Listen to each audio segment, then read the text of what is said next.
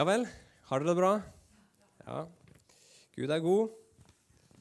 Sånn litt, eh, litt om prekenene framover. Nå eh, er planen min at den 2. september så skal vi begynne igjen med eh, Guds folk i Guds verden og starte opp i andre Mosebok. Begynne å gå gjennom den og se hvordan den boka lærer oss om hvem Gud er, og hvordan vi skal leve som kristne. Det er jo flere steder i Nytestamentet at Nettopp vandringen gjennom ørkenen til israelsfolket er eksempler for oss og våre kristenliv. Så det skal vi begynne å se på 2.9.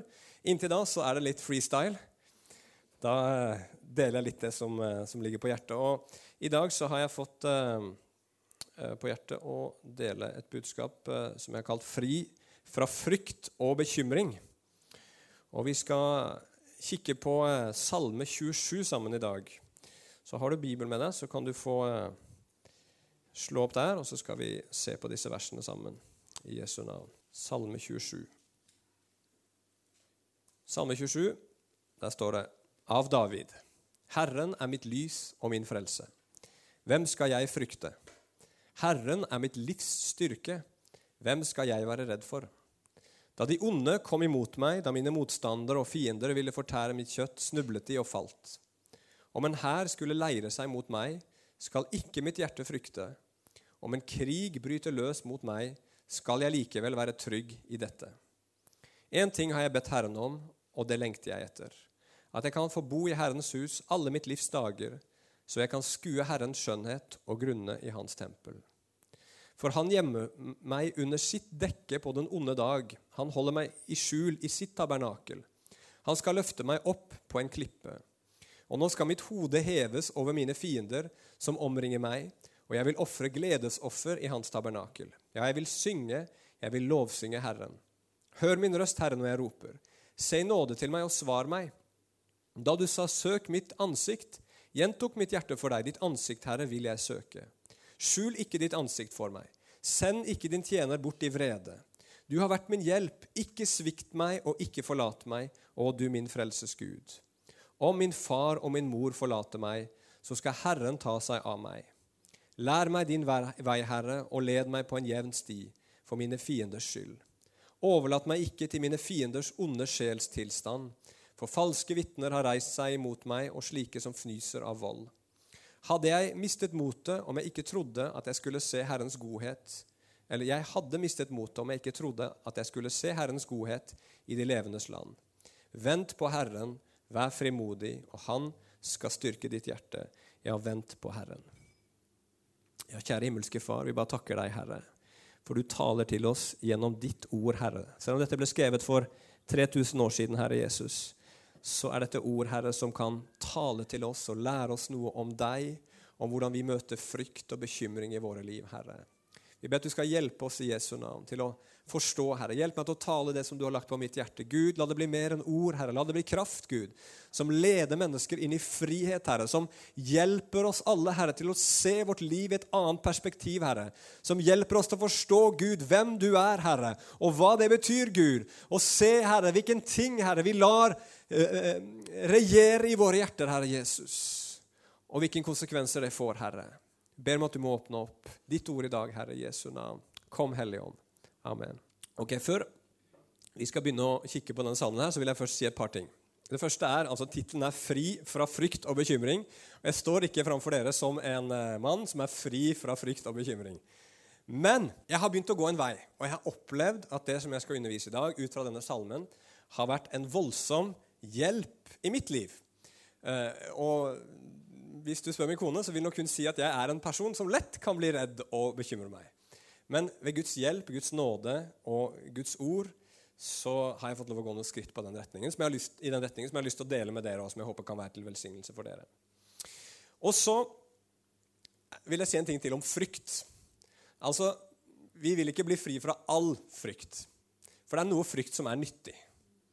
For eksempel så er det sånn at frykt er en ting eh, som Gud har lagt ned i oss, en følelsesmessig reaksjon som kan være veldig nyttig når du står overfor en fare som du møter ansikt til ansikt. Hvis det plutselig var en løve her inne, så ville noe skjedd i kroppen din som gjorde at du ble uhyre mye raskere enn du var til vanlig. Mye sterkere, mye mer effektiv i bevegelsene dine enn det du er til vanlig. Ikke sant? Frykt mobiliserer deg, og kan være veldig, veldig nyttig i visse situasjoner. Og så er det den frykten som du kjenner når du står på prekestolen og begynner å gå steg for steg nærmere kanten der, hvor det er ca. 600 meter ned. eller et eller annet sånt noe.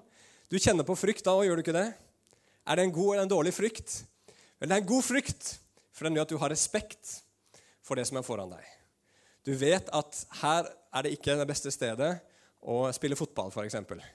Her kan vi drive med andre aktiviteter, men eh, eh liksom å kaste skeinebrett, eller hva man kaller det her på Jæren, det er ikke noe god idé på, eh, på prekestolen. For at du, du, du, du, kjenner frykt for det stupet som ligger rett foran deg.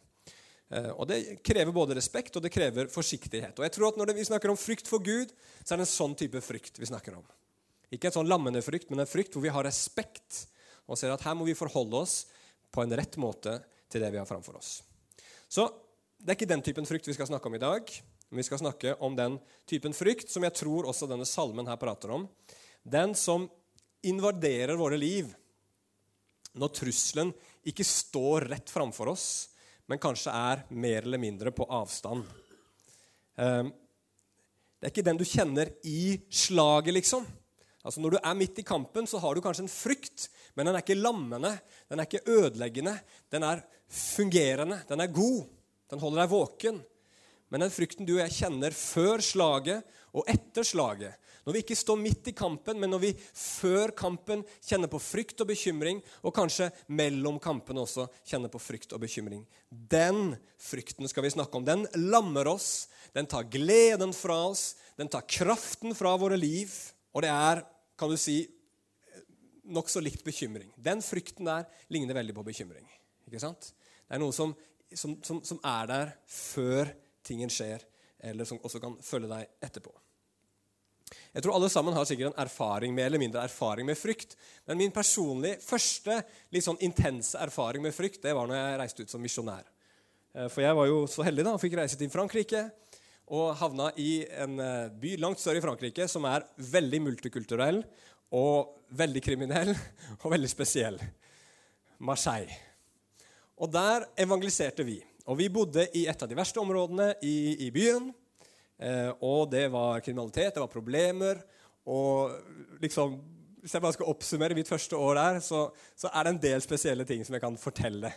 Sånne skikkelig merkelige opplevelser og sprø ting som skjedde med oss. Jeg ble iallfall trua med kniv opptil to ganger. Eh, jeg ble slått i hvert fall to ganger. Eh, vi opplevde innbrudd hvor de hadde drilla i stykker døra vår. Vi opplevde å stå på gata på et tidspunkt Eh, med alle eiendelene våre midt i et av de verre strøkene i byen. og Det bare samla seg en flokk ungdommer rundt oss som oppførte seg truende. En stakk av med veska til en av jentene. Vi løp etter og prøvde å få den tilbake. Og alt dette her skjedde liksom med en eh, ung gutt fra Nedenes på Sørlandet, liksom, som eh, ikke hadde sett så mye fare og frykt i livet sitt. Og, men det jeg meg da, at akkurat i situasjonene når disse her sprø tingene skjedde, så så, så, var det nok en frykt, men det var også en kraft. Det var en handlekraft midt oppi det. Men så var det da etterpå, og ofte før vi skulle gå ut også, så kjente du på frykten som kommer. Så lammer den deg. Så går den der og surrer den på innsiden. Og så kjenner du det at det, eh, det, det er ikke godt. Og jeg tror den frykten den kan kalles også med ordet angst. Og den angsten, den frykten som ligger i våre liv, mellom slagene, mellom de truslene vi møter, den må det skje noe med i våre liv. For den kan være livsfarlig. Åndelig sett så kan den være livsfarlig. Den kan få deg til å prøve å være alles venn fordi du frykter mennesker, og så går du på kompromiss med personlige overbevisninger. Frykt kan få deg til å handle når du burde vente, eller vente når du burde handle. Frykt kan gjøre at du viker unna unødvend, eller nødvendige heller, konfrontasjoner. Frykt kan få deg til, å, til å, å, å, la være å dele Jesus med mennesker, og i verste fall så kan det få deg til å forlate Jesus. Og Jeg har lest en historie for mange år siden, jeg vet ikke hvor jeg har den fra, men den har merka meg, og den kommer stadig opp når jeg tenker på dette her. Og Det var om en kvinne i Sovjet, vakker, ung kvinne, som møtte Jesus og valgte å følge ham. Men så var det jo ikke akkurat så veldig populært da, i Sovjet uh, blant uh, liksom, uh, makthaverne i landet å være en kristen. De kjempa aktivt mot kristendommen, så hun ble raskt oppdaga og kalt inn til KGB. Og det KGB gjorde var at De viste henne et bilde av en vakker, ung kvinne, akkurat sånn som henne sjøl. Og så viste de henne et annet bilde av en kvinne som så helt elendig ut. Langdradd i ansiktet, smerte, eh, liksom eh, merka av eh, all slags mulig eh, både rynker og, og arr og alt mulig sånt. Så sa de dette er den samme kvinnen som du så på det første bildet, etter at vi var ferdig med henne. Hun trodde på Jesus og ville ikke forlate han. Hva vil du? Og Det triste med den historien var at denne kvinnen valgte å gå bort og forlate Jesus. Fordi frykten for hva de kunne gjøre med henne, ble for stor. Så i dag skal vi snakke om dette her med frykt. Hvordan bli fri fra frykt og bekymring. Og Vi skal se på to, tre ting som denne salmen lærer oss. For det første så må vi få rett perspektiv på trusselen, altså det vi er redd for. Så må vi få rett perspektiv på liv og død. Og så må vi få rett perspektiv på tiden. Ok, Det første rett perspektiv på trusselen. Når David begynner den salmen her sånn, så begynner han å snakke om Gud. Herren er mitt lys og min frelse. Herren er mitt livsvern. Og så sier han hvem skal jeg frykte? Hvem skal jeg være redd for? Han kaller Gud for Herren, og det er det hebraiske ordet som eh, vi ikke vet helt hvordan uttales, men som er et ord på fire bokstaver, JHVH. Og så kjenner vi ikke vokalene. Noen sier Jave. Men det er det spesielle navnet på Gud som betegner han som Israels Gud, som paktens Gud, som den Gud som har bundet seg til sitt folk. Og Når Gud her åpenbares som Jave, som denne guden, så sier det to ting om Gud. For det første at han er Gud, den allmektige himmelens og jordens skaper. Det fins ingen større, ingen sterkere enn han. Men så forteller også at han er den Gud som har bundet seg til sitt folk. Han har bundet seg til David. Derfor sier ikke David 'Gud er lys og frelse'. Gud er vern. Han sier ikke det. Legger du merke til det?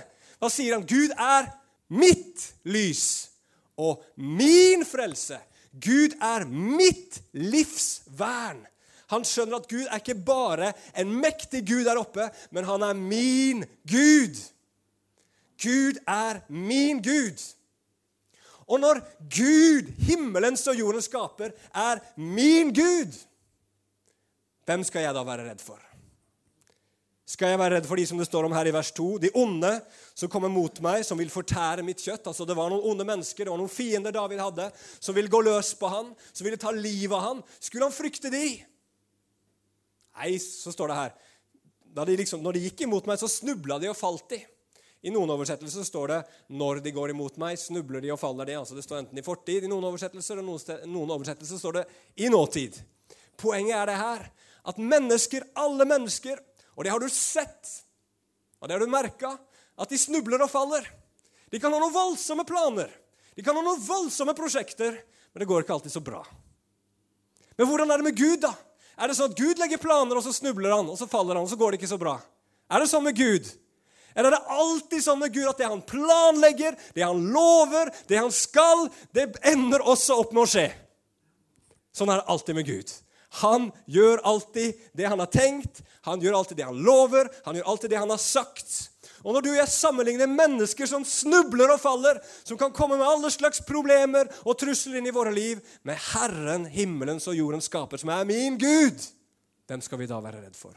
Eller videre så sier han i vers 3.: Om en hær skulle leire seg mot meg, eller om en krig bryter løs mot meg, skal han ikke frykte, og han skal være trygg.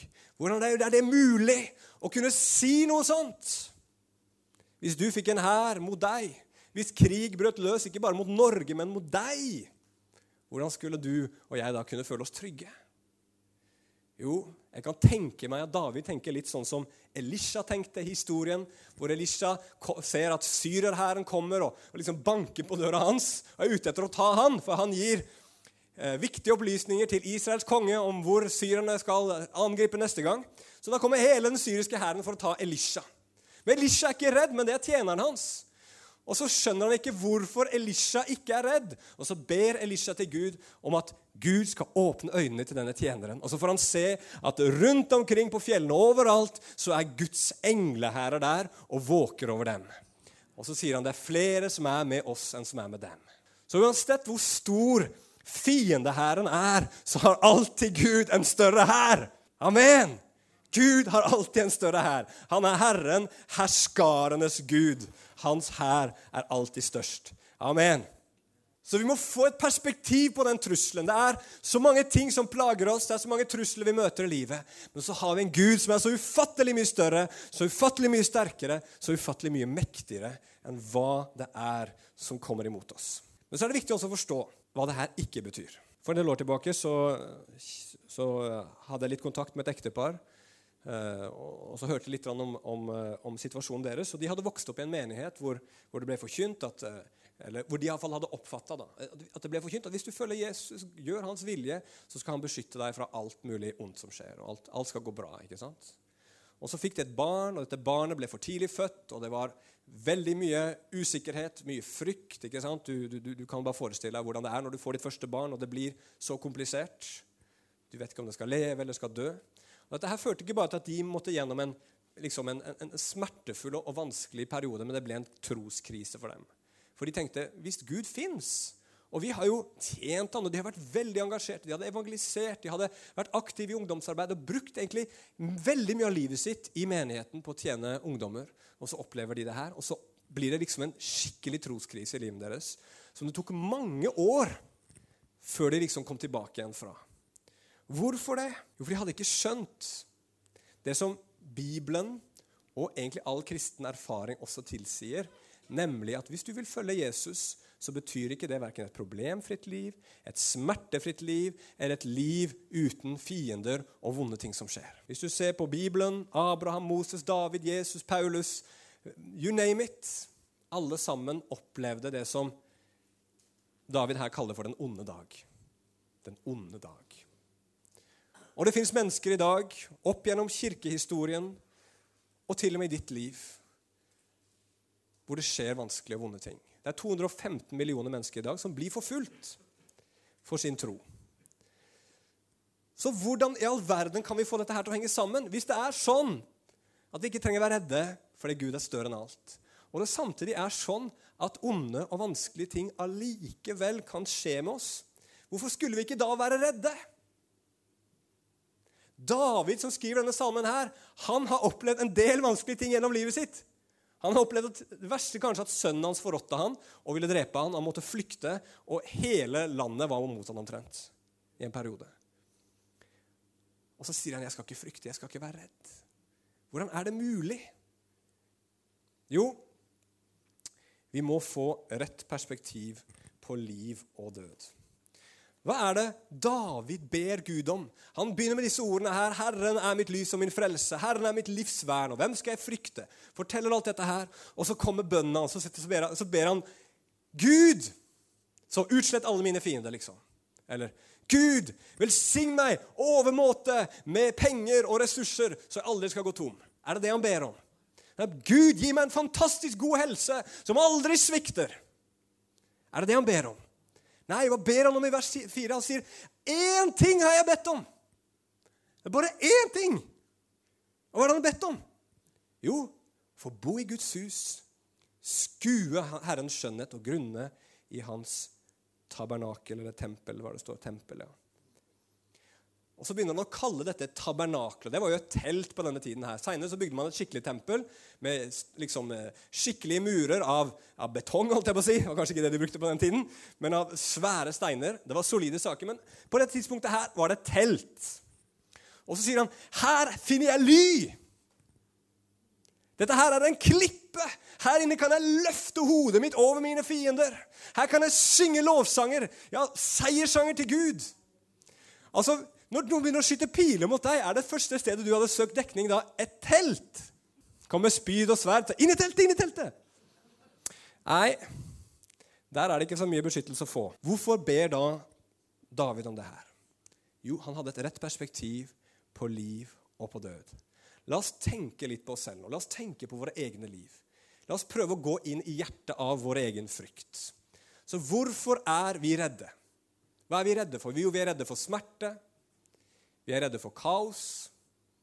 Vi er redde for økonomiske problemer. Vi er redde for ydmykelse, dårlig rykte, ensomhet, død, mange ting. Du kan sikkert komme på flere ting enn det. Men hvis vi skal prøve å summere det opp, så kanskje vi kan si at frykten vår i bunn og grunn er å tape noe og miste noe vi ikke tror vi kan klare oss uten. Hvis jeg mister det, hvordan skal det da gå med meg? Hvis jeg mister det, hvordan skal jeg da klare meg? Hvordan skal jeg kunne leve hvis ikke helsa er god?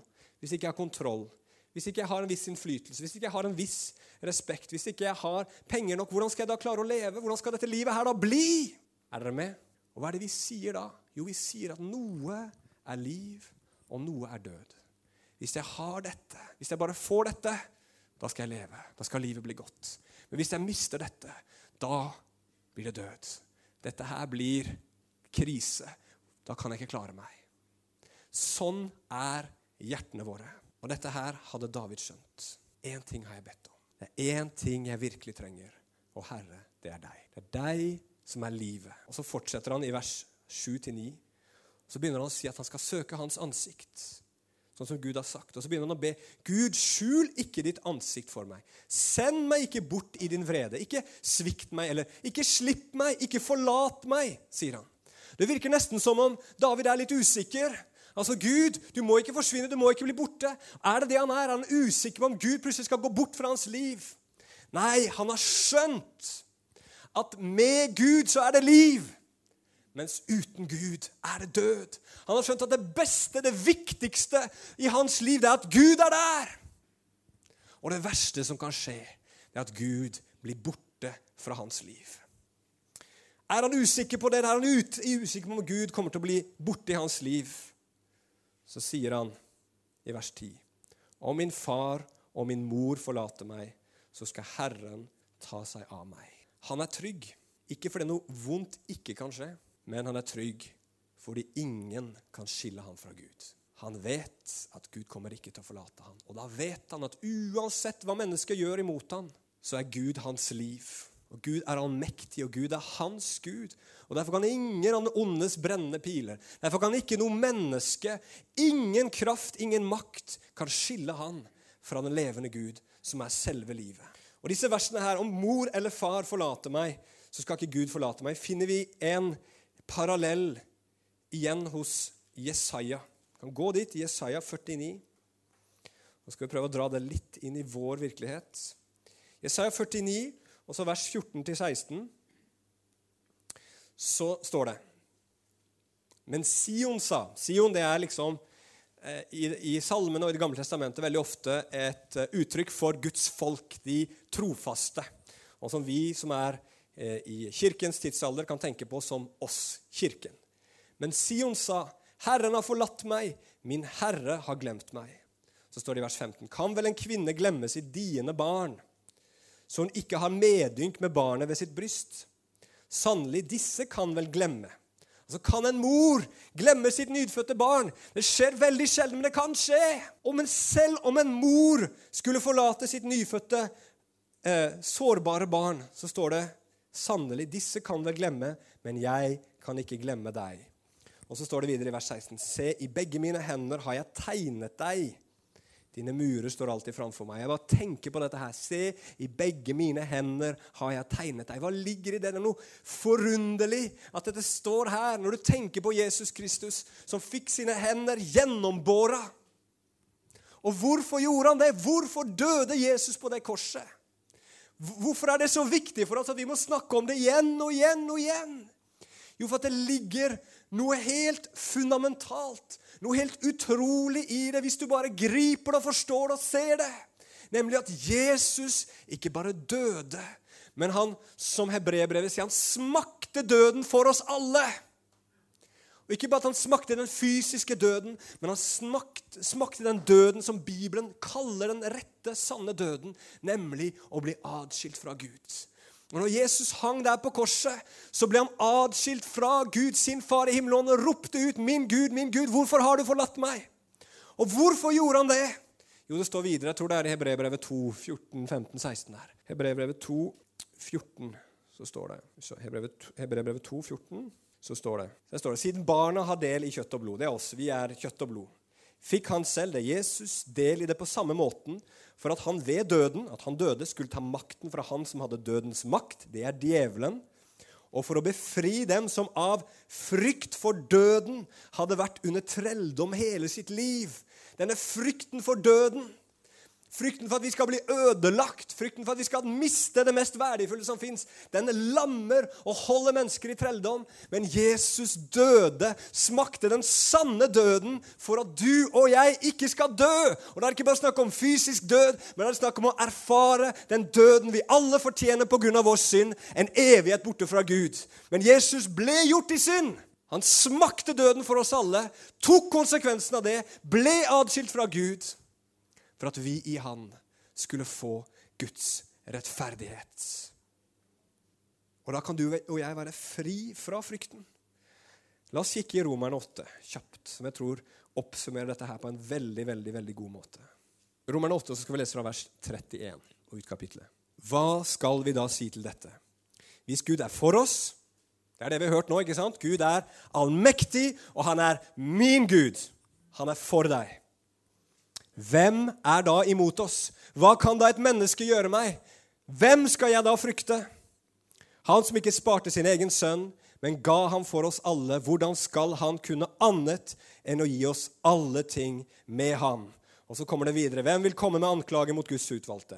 Det er Gud som rettferdiggjør. Det er Gud som gjør oss til hans barn, og som gjør det sånn at vi kan si at han er vår Gud. Hvem er den som fordømmer? Det er Kristus som døde, ja, mer enn det som også har oppstått, og som sitter ved Guds høyre hånd, og som går i forbønn for oss. Og så kommer det i vers 35. Hvem kan skille oss fra Kristi kjærlighet? Trengsel, angst, forfølgelse, hungersnød, nakenhet, fare eller sverd. Er det ting vi kan møte som kristne? Ja. Er det ting Paulus møtte som en kristen? Ja. Som det står skrevet, for din skyld blir vi drept hele dagen lang. Vi blir regnet som slaktesauer. Så står det i vers 37.: Men i alt dette skal vi mer enn seire ved Ham som elsket oss. Og så, så forklarer han hvorfor. For jeg er overbevist om at verken død eller liv, verken engler eller myndigheter eller makter, verken det som er nå eller det som skal komme, verken høyde eller dybde eller noen annen skapning, skal være i stand til å skille oss fra Guds kjærlighet den som er i Kristus Jesus, vår Herre. Her sier Paulus nøyaktig det samme. Guds er livet, og gjennom Jesus så har vi kommet til livet. Og det er alt annet som truer i våre liv, for ingenting å regne. For det kan ikke ta fra oss livet. Det kan ikke bringe død inn i livene våre. Uansett hva mennesker og krefter hva det skulle være, finner på i livene våre. Så Derfor er sannheten sånn at det fins egentlig bare to alternativer. Enten så er du uten Gud, og da fins det bare bunnløs frykt. Uten Gud så er det bare bunnløs frykt. Eller så er du med Gud, og der fins det en urokkelig trygghet. Det er ikke sikkert du alltid kjenner den på kroppen. Det er ikke sikkert du alltid du liksom syns det er lett å se den, men du står like urokkelig fast for det. Det fins en urokkelig trygghet når du hører til Jesus. Ingen kan ta livet fra deg. Ingen kan bringe død inn i ditt liv. Amen. Og så er det siste poenget mitt her. At vi også må ha rett, rett, perspektiv på tiden. Det som jeg sier nå, kan få en til å tenke at Gud bare er opptatt av den åndelige biten av vår eksistens. ikke sant? At, eh, at eh, så lenge vi har fred med Gud og vet at vår sjel er frelst, så på en måte er det nok. Og så får vi bare gå gjennom all slags mulig elendighet, og Gud kommer ikke til å hjelpe med så mye annet enn å bare holde oss levende åndelig på innsiden. Men det er ikke den, Bibelen, den Gud Bibelen beskriver.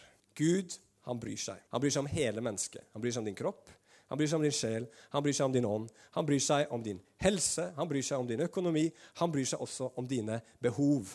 Og du kan få lov å be for det.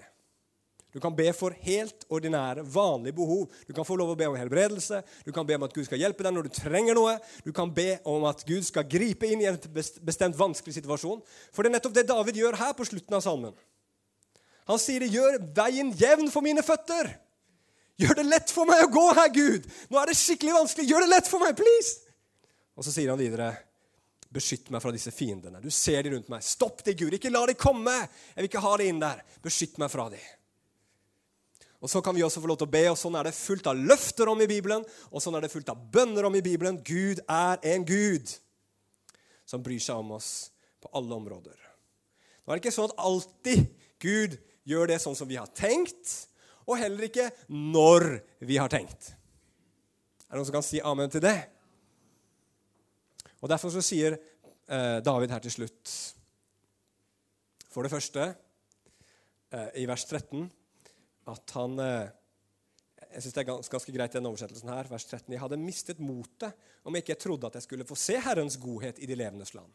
Altså, Du skal få se Herrens godhet. Du skal få se den her nede på jorda. Du skal få erfare og oppleve, midt i vanskeligheter og motgang og prøvelser, at Guds velsignelse kommer inn overrasker deg og berører deg og hjelper deg på mange forskjellige måter. Gud er god på den måten.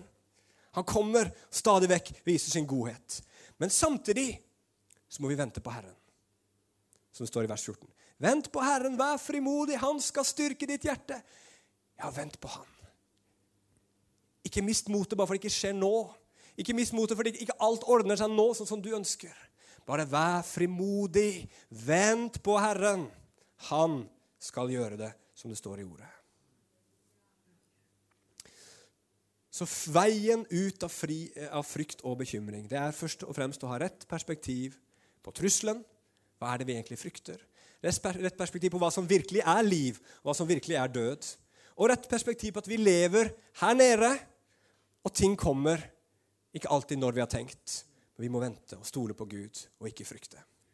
Og Dette her tror jeg er viktig av forskjellige grunner, men jeg skal ikke eh, si så veldig mye om det, for tiden går. Men la meg bare komme med to praktiske ting til slutt, hvis det er greit. Og så skal vi gå til nattverd etterpå det. For det første og Hør godt etter nå. Hvis du har noe å notere på, så kan du skrive det ned. For jeg tror det her kan være veldig viktig og nyttig. Eller har du mobil, så skriv det ned der. For det første, analyser din egen frykt og din egen bekymring. Altså, Gjør det etter møtet. Sett deg ned, penn, papir, bønn, og vær ærlig. Hva er det jeg er redd for? Hva er det jeg frykter? Bare skriv det ned på et papir. Hva er det jeg er redd for? Og så spør du spørsmålet hvorfor det? Hvorfor er jeg redd for det? Svar så ærlig du kan. Og så prøver du å se hva er det slags forestillinger om liv og død i mitt liv som skjuler seg bak det. Hvorfor er jeg så redd for å miste det? Er det sånn at jeg ikke tror jeg kan leve uten det? Hvorfor er det så viktig for meg å ha det? Er det sånn at jeg tror at det der vil gi meg det jeg trenger? Så setter du deg ned, og så er du litt analytisk i ditt eget liv. Jeg har vært nødt til å gjøre det i mitt eget liv, og det er veldig veldig nyttig. For når frykten kommer, så blir det følelser, og det blir kaos, og det er ikke så lett å forstå hva som skjer.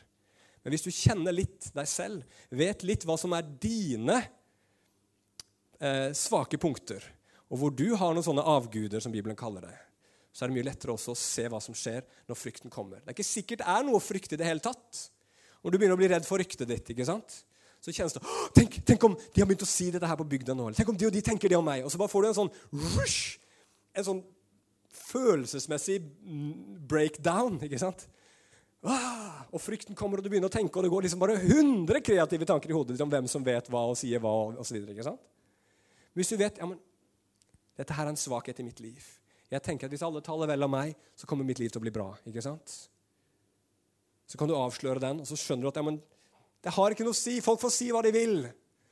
Det er Herren som er mitt liv. Det er Han som er min styrke, osv. Og, så må du kalibrere hjertet ditt. Og eh, Peder delte her til å begynne med søk først Guds rike og hans rettferdighet. Hva betyr det for noe? Jo, det betyr ikke, ikke liksom Søk først Gud, gjør din plikt, og så skal han velsigne deg. Det er ikke det det betyr. Det betyr at i alle ting så er det Gud som har øverste prioritet. I alle ting er det Han du må søke og finne din glede, ditt håp i. Og skal du og jeg kunne leve liv fri fra frykt og bekymring, så nytter det ikke bare at fornuften har forstått, men at hjertet vårt har forstått. Og hvordan? For vi blir drevet av våre hjerter, vi blir ikke drevet av vår fornuft. Hvorfor røyker mennesker? Alle mennesker vet jo at røyk er dumt. Ikke sant? Altså, du kan jo spørre hvem som helst som røyker. Du vet at dette her gir deg større økt eh, liksom, fare for lungekreft? Ja, jeg vet det. Ja, det står jo på pakka, så det vanskelig å unngå å vite det i disse dager. Men hvorfor gjør vi det allikevel? Dette ødelegger det. Ja, jeg vet det.